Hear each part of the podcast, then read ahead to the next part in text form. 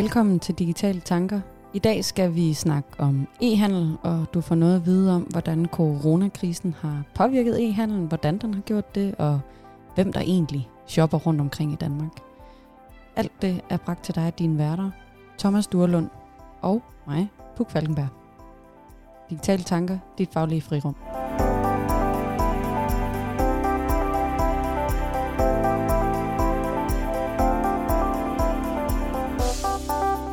Hej Puk. Hej Thomas.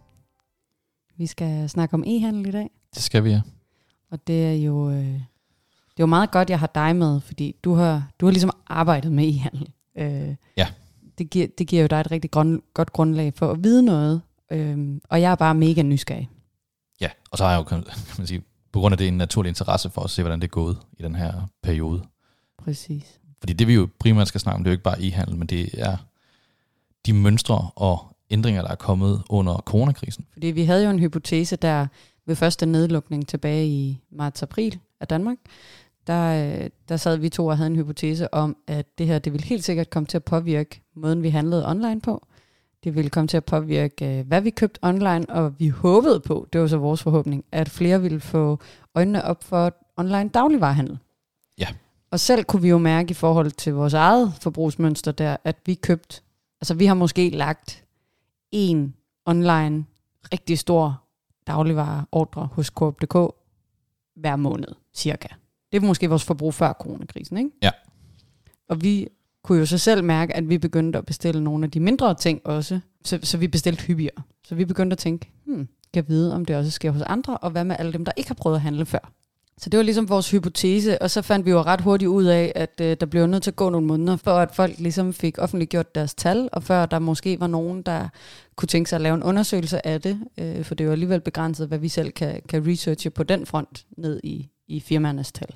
Ja, altså man kan sige, det var jo, da vi begyndte at snakke om det her, vi gerne ville lave det, der var vi, var det i maj, juni? Ja, vi var lige begyndt at komme tilbage sådan drøbvis på arbejde, ikke? Ja, og det kom ret hurtigt, at jo, der var nogle, måske nogle få analyser, men vi havde ikke den her lange impact af det. Det vi oprindeligt også ville have med, det var sådan lidt eksempler på, øh, også på regnskaber, hvor vi kunne se, at det havde en effekt. Præcis, så vi kunne forstå effekten bedre. Ja, og nu, nu er vi i efteråret, og nu er der masser af analyser, øh, halvårsrapporter, øh, regnskaber, øh, eller kan man sige kvartalsregnskaber og sådan nogle ting, der er kommet ud, øh, der ligesom viser effekten af det. Så nu kan vi snakke om det med tal. Præcis, så derfor så har vi øhm, tre områder, vi ligesom kommer til at dykke ned i i episoden. Vi kommer til at dykke lidt ned i øh, coronakrisen, og hvordan den har måske skubbet lidt til vores handel, og hvad det betyder. Vi kommer til at snakke om øh, øh, en FDIH-rapport i forhold til, hvilke butikker forbrugerne handler i. Og til sidst så snakker vi nok lidt demografi. Er der forskel på, hvad vi køber i hovedstaden versus hvad vi køber ude på landet, og om du er en børnefamilie eller ej? Og så har vi også øh, nogle konkrete tal fra en virksomhed, og det er ikke fordi, den, det eneste er, at de er bare rigtig gode til at dele ud af det her, også fordi de er et øh, aktieselskab. Så de skal, og derfor har vi nogle, synes jeg, nogle vilde tal fra dem, der viser. Ja, og vi kan jo godt afsløre, det er Matas. Ja. Matas er god til at dele ud af deres regnskaber og deres tal, og havde også en, øh, så vidt jeg husker, en, en, en større offentliggørelse, fordi folk var nysgerrige på det. Jamen, de kom med deres første kvartalsrapport øh, her i sommer, der viste de her nye tal, og også, øh, kan man sige, nye forventede tal til årsregnskabet. Netop fordi, at da det hele brød ud, der var der mange virksomheder, der ligesom sagde, at vi kan slet ikke, vi kan slet ikke komme med nogle forventninger til året, fordi vi aner ikke, hvad der sker. Og det er Matas ligesom, nu er de kommet ud og sagt, okay, det er sådan her, det ser ud, og nu har vi en, en svag forventning, kan man sige, til resten af året. Perfekt. Lad os starte med så at snakke videre netop ned i coronakrisen og forventninger, og hvad det måske har gjort.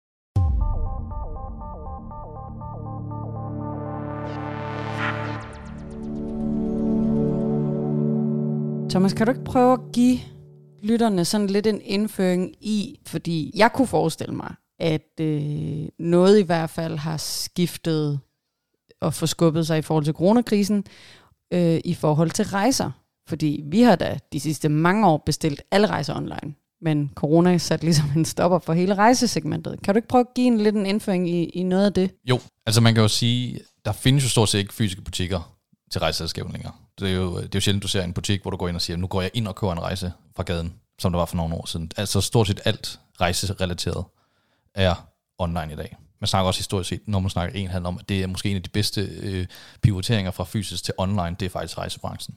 De bliver så ekstra hårdt ramt af det her, fordi der er ikke noget, der, der er ikke nogen, der rejser længere. Og i april var der faktisk et fald på 85 procent. Hold da op.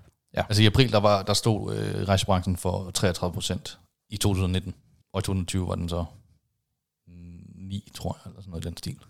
Så det, det er et rimelig hæftigt fald. Ja. Og der er så, øh, måden man kan gøre det op på, det er jo så også, at man tager kulturoplevelser med i det, som en del af fritidsaktiviteter, hvis man kan sige det. Samme rejser, så har man også kultur nogle gange. Og den er også faldet. Ja, det er sådan noget som koncerter, festivaler, øh, teatre, Yes. alt sådan noget, hvor vi har måttet holde igen, og først stille og roligt har kunne få nogle oplevelser.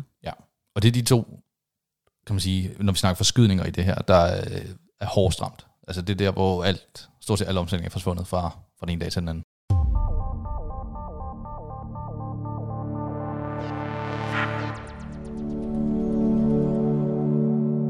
Når man så tænker på, at rejsebranchen og kulturlivet har været så hårdt ramt, og de har stået for så stor en del af e-handlen i 19. Ja. Og de så bliver ramt i år, i 20, og så ikke har et lige så stor del. Så er det jo så spørgsmålet, hvis man går tilbage til den hypotese, jeg havde om, at dagligvarerhandlen er steget markant. Men, men hvor meget er, er det steget? Hvad er forskellen på 19 og 20 i den udvikling? Da halvårsrapporten kom ud fra FDIH, der, øh, der fandt man ud af, at selve daglig, eller e-handlen på det første halvår er faktisk steget med 5%. Ja. Jeg sige, der er sådan en interessant ting i det, fordi året før, der, der steg den med øh, cirka 10%. Altså øh, fra 2018. Så man kan sige, selve stigningen er, er, er faldet, men, men vi er stadigvæk over øh, 19, Ja, hvilket er ret vildt, når man tænker på, at rejsebranchen er nærmest ude. ja, ja. Alle de andre skulle have samlet op fra, fra en så stor del. ja, ja. Det er jo ret imponerende, at, at der er sket den forskydning, og alligevel vækster onlinehandlen, når man fjerner de to store spillere. Altså man kan jo sige, at når man fjerner rejser og alle de her ting, så er der jo en hulens masse penge, som folk har, som de stadigvæk skal bruge. Og en af, af hypoteserne er nok, at de, øh, de har valgt at bruge dem på noget andet. Mm. Så det vil sige, at det er nogle andre kategorier, øh, også online, man så har valgt at øh, spille penge i.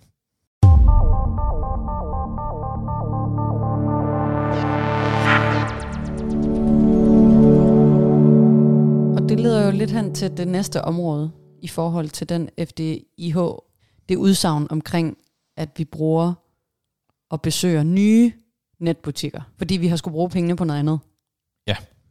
Så flere af os har besøgt netbutikker og online shops, webshops, vi ikke har været i før. Ja, altså man kan sige helt konkret, så er der mange virksomheder, som har skyndt sig at få en webshop. God idé. Ja, de skulle ligesom øh, hente noget omsætning ind, så der vil komme mange flere nye webshops til, også fra etablerede virksomheder, som Mm. lige pludselig skal have det her omsætning øh, online i stedet for.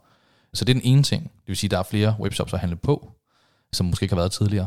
Og den anden er, at især ældre og pensionister har set en ret stor stigning i at handle mere på nettet også. Mm. Og man har generelt set en tendens til, at mange flere er begyndt at handle på nye webshops. Altså simpelthen prøve det, fordi man har fundet ud af, okay, men for det første er der nye, der er kommet på, som aldrig har handlet webshops før, men dem, der måske også handler i forvejen, de har også prøvet nye webshops, fordi der kommer nye webshops til. Mm. Så kan man sige, både antallet og af folk, der har prøvet at handle online, er steget, samtidig med, at udvalget af webshops er steget. Mm. Altså nu handlede vi jo øh, sådan okay online i forvejen, og havde nogle faste butikker, alt efter om vi skulle købe øh, ledninger, dagligvarer eller personlig pleje. Ja. Øh, vi er da i hvert fald nogle af dem, der har bidraget til Matas øh, shopping undervejs. Ikke? Det kan man sige. Men besøgte du nogle nye webshops i perioden? Altså har du selv ændret dit mønster? Ja, øh, men faktisk er jeg arbejdsøjet med. Okay, ja. Jeg skulle købe noget så simpelt som elpærer, og havde fundet en, en ny butik, som jeg så brugt der, som så rigtig god ud. Mm. Så jo, på den måde har jeg. Ja. Vi har den anden en også. Noget VVS-haløjse, jeg købte til os. Det var også handlet på en, på en, en ny webshop. Ja. Ja, for lige pludselig så går man ikke i, øh, i Bilka eller i Silvan eller et eller andet, og så finder man, hvor det er billigst. Ja. Jeg synes, jeg synes, det er meget interessant, det der med, at flere har prøvet nye webshops. Eller det, det rigtig interessante er jo, at der er flere folk, der handler. Men jeg kan da mærke, at jeg har fået øh, flere sådan, annoncer på sociale medier, hvor at jeg har reageret og klikket på kjolerne, eller hvad det nu har været, og det har været webshops, jeg ikke har kendt.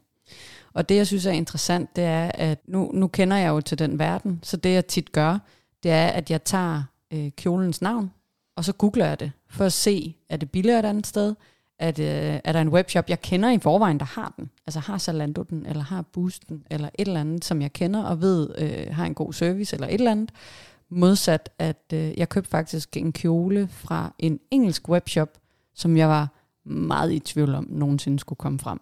Mm. Det så lidt shady ud, men jeg undersøgte, og de havde nogle shippingbetingelser og alt muligt, så de så legit nok ud, men det var alligevel nok til, at jeg tænkte, hmm, kan vide, om de 500 kroner er tabt? Ja, og det er jo det, der man skal gøre sin, sin forbehold, når man kigger på nye webshops. Men det er faktisk også, at kan man sige, 7 ud af 10 personer i dem her, de, de, de svæver også til, hvis du har besøgt en webshop, så bruger du den igen. Mm. Øh, så der er rigtig meget, øh, kan man sige, loyalitet ved det her. Men det er vel også fordi, man kommer ind i et loop. Altså nu går vi lidt off topic, men det er jo også noget af det, du har arbejdet med til dagligt i forhold til mail flows og segmentering osv. Men det er vel også fordi, når du kommer ind i en web, webshop, som har styr på stumperne, så har du lige pludselig en medlemskonto. Du siger måske ja til at modtage deres nyhedsbrev. De kan finde ud af at segmentere indholdet i den nyhedsbrev til at ramme lige præcis dig, og det de kan se, du køber og reagerer på og klikker på. Og så er man jo ligesom også lidt fanget i en webshop. Ja, og så kan man sige, du kender deres leveringsmønster, så du ved, at de leverer til tiden højst sandsynligt, eller andre ting. Altså der er, der er mange ting, der gør det. En mm. ting er, hvordan øh, øh, de har fået dig ind. En anden ting er, hvordan designet på sitet er. En anden ting er, hvor altså alle de her infrastrukturs ting, som når jeg klikker her, hvor lang tid går det så ind i harden, og hvordan får jeg den? Mm. Kan jeg selv bestemme, hvor den skal leveres henne? Er prisen den rigtige? Skal jeg betale noget for fragten? Alle de her ting. Så hvis du ved, at alle de her forhold er på plads, jamen så er der ingen grund til at gå andre steder. Så vil du, hellere, du vil hellere betale en, kan man sige, en 20 ekstra for at være her, fordi du ved, det er i orden, end at du vil betale en 20 mindre et andet sted, for så at finde ud af, at øh, den er så 14 dage om at komme i stedet for kun nu. Mm.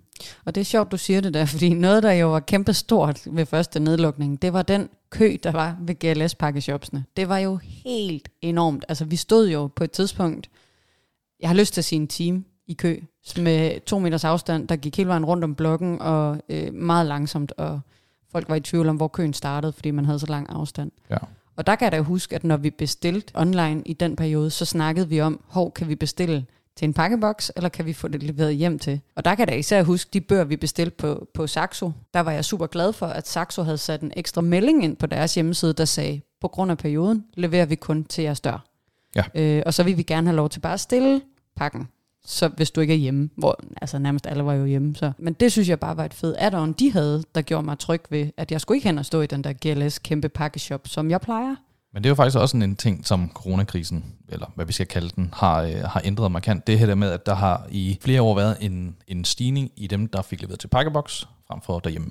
Mm. Den stigning har været stødt stigende hvert år. Og den er faktisk vendt nu, den kurve. Altså, den var ikke lige pludselig stigende, den faldt faktisk her under fordi kan man sige, efter den første bølge, hvor alle fandt ud af, at alle skulle stå og vente, mm. og det gider man ikke mere, så nu får øh, flere leveret hjem til.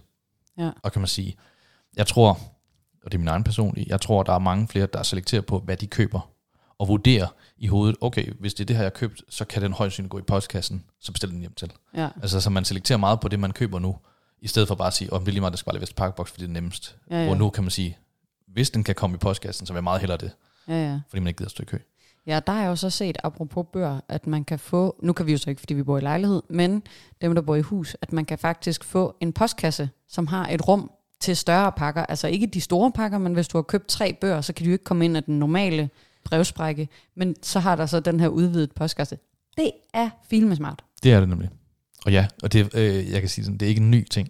Øh, de har faktisk været der nogle år. Kan man sige, netop fra dengang jeg selv arbejdede med e-handel, der solgte vi dem. Og jeg synes, de var drønsmarte, men det, øh, det kræver, at man har et hus. Ja, ja, hvor man kan sætte sin egen postkast. Men det er mega smart, fordi så kan det jo leveres dertil, ikke? og være sikkert, og man skal ikke være bekymret, til man kommer hjem, om den står foran døren.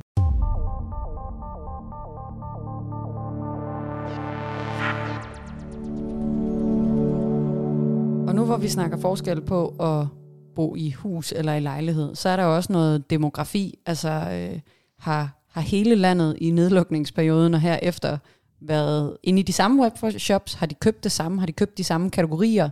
Hvordan, hvordan ser det måske demografisk forskelligt ud, hvordan vi har udviklet vores øh, online vaner? Hvad, hvad kan du sige om det, Thomas? Altså man kan sige, at uh, tallene siger, at uh, hvis vi snakker om, hvor du hen du bor, som du bor i storby, en større provinsby eller mindre og sådan ting, så er det storbyen, der også har den suverænt største stigning. Mm. Og det tror jeg er uh, bekvemmelighed. Ja, noget tæthed. Altså hvis vi skulle gå ud hele tiden, selvom vi helst skulle forholde os hjemme, ikke? Ja. Så, øh, så, så er der mange mennesker, vi kan møde. Ja, lige præcis. Så det er helt sikkert, der det sted mest. Og så går det faktisk, altså jo, jo mindre by det bliver, kan man sige, og det bliver landområde, jo mindre bliver øh, stigningen også. Ja. Det vil sige, at det ser ud til, at i landområderne så har, har dagen mere gået sin normale gang, end den har herinde ved os ja. i Storbyen. Men det er som du siger også, fordi vi er eksponeret for rigtig, rigtig mange mennesker hele tiden, Ja. når vi går ud for en dør. Og det her det er jo en fantastisk måde at så kan man sige, isolere os mere. Ja, ja, undgå det. Ja. Er der så også forskel i, hvilke kategorier vi har købt mest? Fordi at vores ultimative kategori, der steg mest under corona, det var vel takeaway. Ja, ja altså i de store byer, der var det øh, især takeaway øh, og tøj og accessories og sådan nogle ting. Og i den større provinsby, der var det personlig pleje. Og når du så kommer til, til landområdet, så var det bolig og have, og jeg tror også tøj og accessories. Så man kan basalt set lidt firkantet sige, at i hovedstadsområdet har vi købt takeaway og tøj. Mm. Måske joggingtøj, så vi har bare spist takeaway og været i joggingtøj. I de større provinsbyer, der har vi øh, bekymret os om vores hud og personlig pleje, og vi har fandme stået skarpt. Og hvis man så kommer ud på landområden, så er der nogle haver, der virkelig har stået snorskarpt.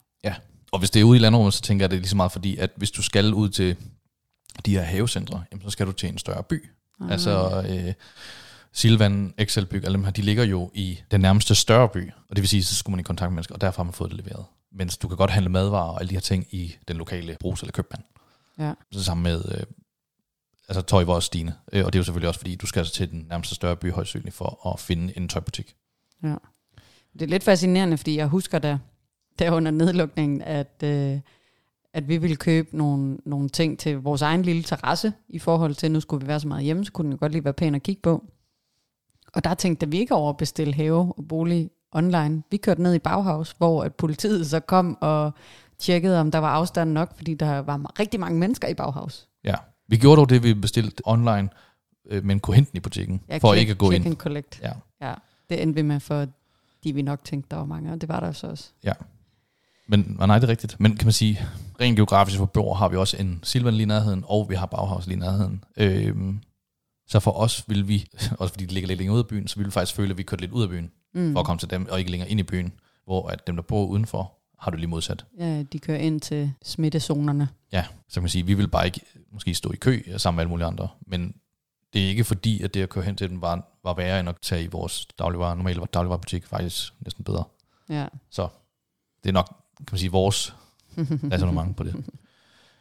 En anden ting med demografi, det er jo også, hvem der har haft de største stigninger mm, det er meget interessant. i, kan man sige, aldersgrupper. Og øh, jeg tror ikke, det er en overraskelse, at, at, pensionister eller mennesker, de er meget stigende, fordi mm. Mm. det er en meget udsat gruppe, som så skal til at prøve at lære det. Og kan man sige, jeg er gået stærkt ud fra, at de har enten prøvet selv eller fået hjælp fra familiemedlemmer. Men der er en anden gruppe, der også er steget meget. Hvem tror du det er, hvis vi snakker størst i relativ stigning? Børnefamilier? Nej, det er der nemlig ikke. De er steget rigtig meget. Øh, og også en af dem, der er steget mest. Men, men relativ altså, øh, stigning i forhold til, hvad de gjorde før, det er faktisk unge. Er det rigtigt? Yes, unge mennesker er begyndt at handle meget mere på nettet. Wow, det Ja. troede jeg allerede, det gjorde. Det gør de nok, men det, der er også stedet i dem, det er tøj og accessories. Og det er jo fordi, de unge normalt er mødtes i shop, shoppingcentrene, og det har de jo ikke måtte. Så derfor så har de begyndt at købe alt det tøj, de skulle på nettet. Det er smart. Ja. Yes. Det er fascinerende. Ja, det er i hvert fald min hypotese. Vi ser det jo tit, når vi går i på fisketåret eller i Fields eller et eller andet. Øh, alle de her unge mennesker, der sidder sammen og render rundt sammen, og så lige shopper noget tøj. Jeg gjorde det også selv. Jeg er begyndt at købe væsentligt mindre tøj, fordi der ikke er lige så mange, der gerne vil med mig i storcenterne. Ja. Der kan du bare se. Og det er jo så, øhm, når de har været lukket, jamen, så skal man have det tøj et andet sted. Og det har man så gjort online. Ja, de har heller ikke kunne fange Pokémon Go ind i fisketøjet, som jo er en kæmpe ting. Det er åbenbart det bedste Pokémon Go-sted. Så det ser man stadigvæk, selvom Pokémon Go ikke er så hyped, som det var engang. Ja. Så køber de lige tøj med hjem. Præcis. Så det øh, kan man sige, det er den anden interessante ting, at unge, vil jeg jo mene, køber rigtig meget på nettet, men der har så været virkelig potentiale for en, en stigning i det, mm. fordi det sociale aspekt ligesom har været, man har mistet det. Det kunne også være interessant, om nogle af de unge har gjort det for andre. Altså har bestilt via øh, egne profiler, eller hvad man kan sige til andre. Fordi noget af det, som jeg blev mærke i, det var blandt andet i forhold til nogle af de udmeldinger, direktøren for Rema kom med.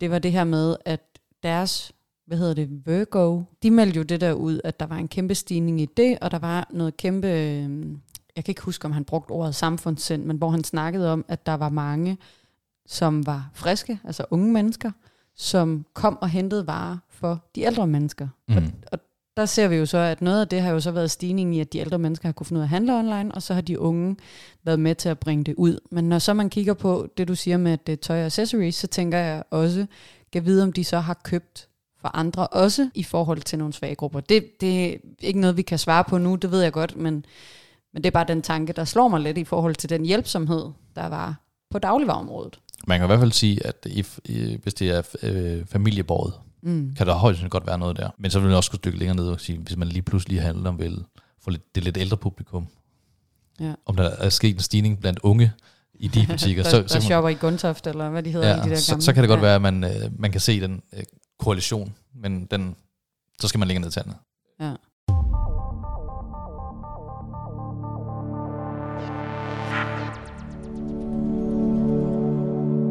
Jeg tænker, øh, det sidste vi lige skal snakke om, det er netop i forhold til dagligvarerhandlen, fordi at jeg kan da huske, vi jokede lidt med i starten af året der ved nedlukningen, at øh, nu kunne det da være, at det var første gang nemlig.com ville have reelt set overskud i deres, øh, i deres livstid, for de har jo meldt ud nogle gange, at selvom det går rigtig godt, og flere og flere køber dagligvarer online, så har de stadigvæk ikke fundet nøglen til den helt bæredygtige forretning, hvor der er overskud, og de lever videre. Øh, ved vi noget om det? Altså, hvordan udviklingen i, i dagligvarerbranchen har gået? Overlever de? Trives de der koncepter, som Rema har, eller Bilka to go, eller... Altså, der er sket en, en, en lad os bare kalde det en klar stigning i, ja. øh, i handel med dagligvarer online. Kan man sige, i juni var den fordoblet. Så vi er gået, vi er gået fra 3% til 6% i omsætning af dagligvarehandel på nettet. Om den, jeg går ud fra, at de dækker øh, sådan noget som nemlig.com, Coop.dk, øh, med Virgo, eller hvad de hedder. Mm. Alle de her ting. Så det, det er jo selvfølgelig uden takeaway. Det er bare ren øh, dagligvarehandel, der kommer til din dør, hvor du selv skal kan man sige, tilberede maden stadigvæk. Mm. Så det er en ret voldsom stigning, kan man sige. De har fået fordoblet deres omsætning. Ja. Tæller, tæller med i den kategori, tæller sådan noget som øh, årstiderne, Hello Fresh og andre måltidskager, Skagen og sådan noget. Tæller de med der som dagligvarer? Det vil jeg gå ud fra, de gjorde. Ja. Man kan sige, man kan også gå ind og kigge på, der findes også nogle tal på, om det er abonnementsbaseret køb, eller det er ad hoc køb. Ja. Men så er det ikke længere på dagligvarerniveau, så er det mere på generelt niveau. Okay, ja. Så, men, men jo, jeg vil gå ud fra, at det også tæller som dagligvarer, fordi du stadig skal tilberede din mad. Du får dagligvarer ind ad døren, du skal tilberede det. Ja. Så, men det, det er en ret voldsom stigning på dem, og man kan sige, det jeg synes, der kunne være interessant at vide, det er, om den stigning, den er bremset af, at, kan man sige, nemlig at gå om de overhovedet kan følge med. Altså kan man sige, hvis de havde plads og kapacitet til det, kunne, de så, kunne den så være sted endnu mere. Mm, så, ja. at, så at det er en naturlig, er en fordobling kun en be, naturlig begrænsning af deres kapacitet, eller er det vidderligt bare markedet, der er nået til det punkt, og så kan man sige, okay, nu er der ikke flere, der tør. Ja, i forhold til det med kapacitet, så øh, dem, der prøvede at bestille online i den første nedlukning, har måske siddet i kø til at kunne bestille varer, ligesom når man skal ind og se sin årsopgørsel. Ja. Og det er jo fordi, at deres systemer simpelthen ikke har kunne håndtere alle dem, der gerne vil ind og klikke varer i kon, og deres system har ikke kunne fulgt med i, om man så får booket den samme vare dobbelt. Ja. Eller triplet. Eller... Ja, ja, så man sige, der er de to ting. Ikke? Der er en ting, at selve siden øh, er nærmest brudt ned, eller har man nødt til at sætte køsystemer bare for at kunne kunne håndtere antal mennesker, der kommer ind. Men hvad er også efterfølgende? Fordi når folk så booker en dato, mm. så er den jo, kan man sige, låst. Der er kun en vis kapacitet på det tidspunkt. Ja. Og netop med madvarer, så skal du være hjemme for at få dem leveret. Så hvis du har også kun for den enkelte person eller familie, der skal bestille et vist vindue, mm. så springer de så en uge længere frem, eller har de, er de hjemme på et mærkeligt tidspunkt? Altså det her, alle de her ting, som man siger, ikke? hvor lige pludselig så kan det måske gå flere uger, inden du modtager din mad, øh, mm. for det er den første dato, øh, de overhovedet kan levere. Ja. For der er også en kapacitet i, at de skal have varerne på lager. Mm. Ja, ja, helt sikkert. Jeg kan da huske, at vi bestilte ved Coop, vi kunne ikke købe nogen tomater, hvilket var en meget spøjs ting, der var udsolgt. Ja, ja, mel og gære. ja, ja toiletpapir. Ja, men det er jo netop det her, og kan man sige selv, toiletpapir er, vil jeg sige, en relativ øh, nem vare, fordi den, den har ikke nogen holdbarhedsstatus og sådan ting. Mm. Men selv hvis du begynder at købe mere ind af alle de her friske ting, jamen, der skal være et vist flow i det, ja, ja. for de kan nå at komme ud af døren igen. Ja. Ellers så bliver det bare et kæmpe madspil. Så det er også, du har hele tiden den her, det, mad- maden skal være frisk, men du skal skulle levere den, så dit, dit, dit vareflow skal være ret hurtigt. Mm. Så det, det er jo en delikat branche, vil jeg kalde det, sådan, i forhold til det her, hele den her balance, der hele tiden skal køre med efterspørgsel, øh, kontra hvad du så også kan, øh, kan levere. Ja, det er jo netop de, derfor, de koncepter har haft så svært ved at overleve, og nemlig har været ude at sige, at de ikke har, har kunne få overskud. Men det håber jeg da, at tilfældet nu, hvor der har været den her kæmpe stigning. Jeg kan sige, det, det er jo især det her noget, vi mangler øh, reelle tal på. Mm. Nemlig kan vi måske finde nogen på et tidspunkt. Men for eksempel ved KBDK er det jo rigtig svært, fordi det er bare en del af koncernens regnskab. Ja. Så det er svært at... De, de har KBDK, som er både mad, men heller ikke mad, så det er også det her med at sige, at hvis det bare også er online, jamen, så er det ikke engang sikkert, at vi kan få madvarer tr- trukket ud af det her regnskab. Mm. Og derfor er det rigtig svært at sige, om det egentlig, hvordan performer det i Ja, det ja. her. Ja, det er bare en del af, af summen. Ja. Men nemlig, der, der kun lever det lidt ligesom, kan man sige, Matas lever kun af deres øh, kan man sige, varegrupper, er det lidt nemmere at få tal på. Mm.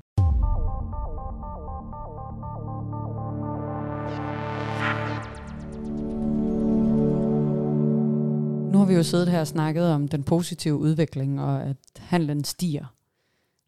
Men er det stadigvæk alle danskere, der er faldet i at købe online på en eller anden måde? Nej, som jeg siger, der er nogle, nogle kategorier, som der er nogle mennesker, der, der stadig vil købe online. Ja. Og kan man sige, set lyset af, af hele coronakrisen og alle de her ting, så er det lidt spøjst, at, at den suverænt største kategori for det, det er dagligvarer. Det er 40 procent. Højt tal, synes jeg, at de er adspurgte, der, ikke- der, der simpelthen ikke vil købe dagligvarer online. Og jeg skal være helt ærlig, jeg tror, det er fordi, de ikke har prøvet det. Ja. Vi prøvede det, og det tog mig så måske også lidt lang tid at bestille ordre nummer to og komme i gang. Øh, men det er ligesom en, en vane, der skal ændres.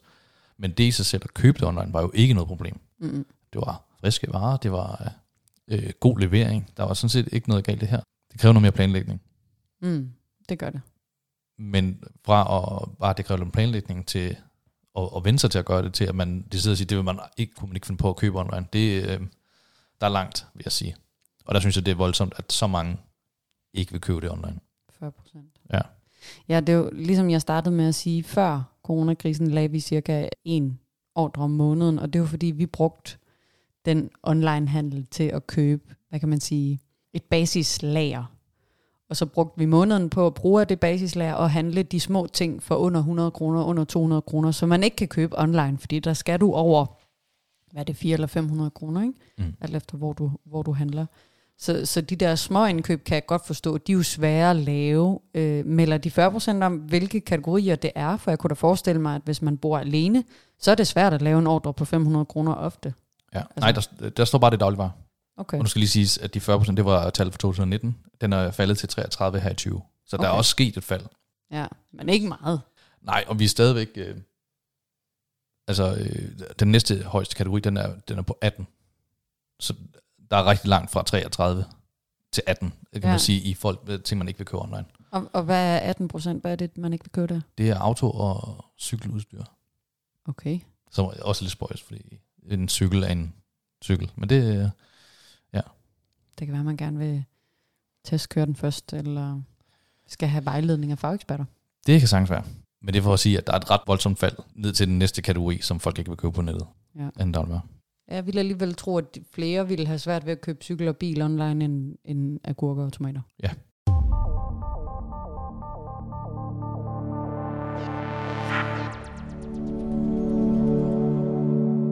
Der er faktisk en ting, jeg vil runde af med. Og det er folk, der bor på ikke brofaste øer. Det er i forhold til også det her levering. Øh, det er jo den evige hurdle for webshops, og du vil se det rigtig mange steder, at rigtig mange varer, de bliver ikke leveret til ikke brofaste øer. Det vil sige, alle de øer, hvor øh, Samsø, Læsø, alle dem her, de, får ikke, de kan ikke få leveret varer. Mm. Og det vil sige, de har haft rigtig svært ved både at få dagligvarer, få alt muligt andet. Det vil sige, de, Haveudstyr. Ja. Mhm. og det vil sige for eksempel øh, Læsø, de skal ind, øh, sejle ind til Frederikshavn for at få købt deres varer. Medmindre de selvfølgelig har en aftale med færgen, der kan, de kan få leveret det ved færgelejet, og så færgen tager det med over.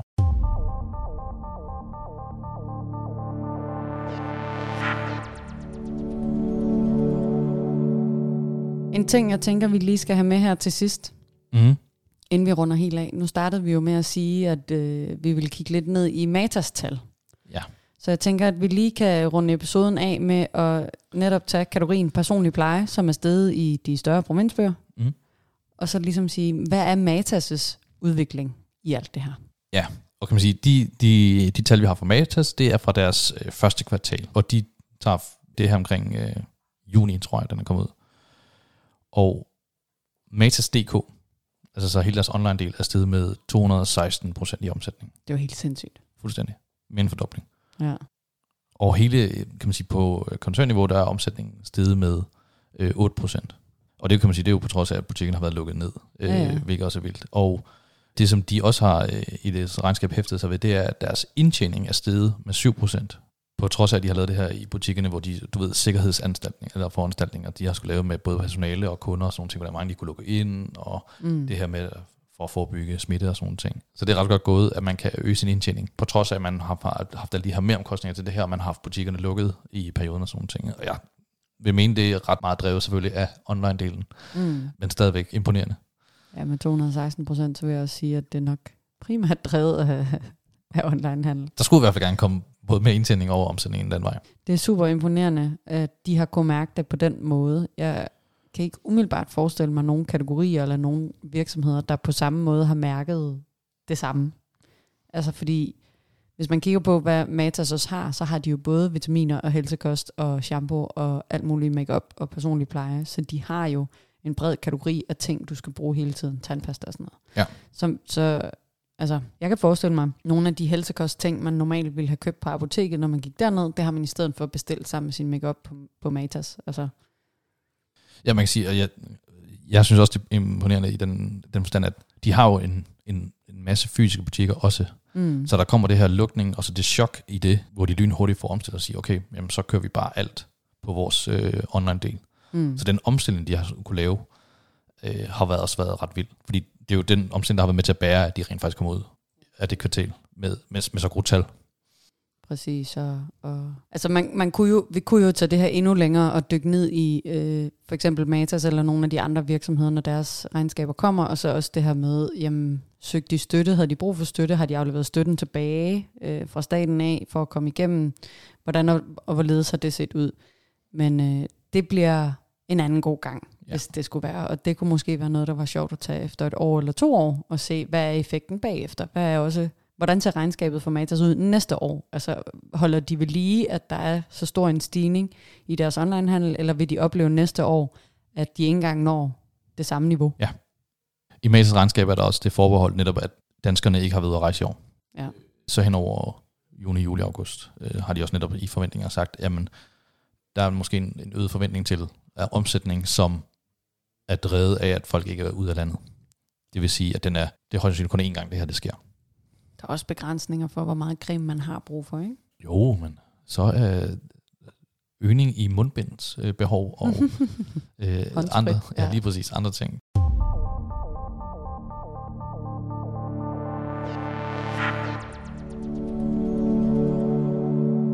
Så Thomas, hvis vi sådan lige skal samle op på den snak, vi har haft nu, så er der nogle ting, der er værd at bide mærke i. Ja, e-handelen er stedet, øh, men det er for skudt, hvilke kategorier vi handler, og alt efter vores demografi.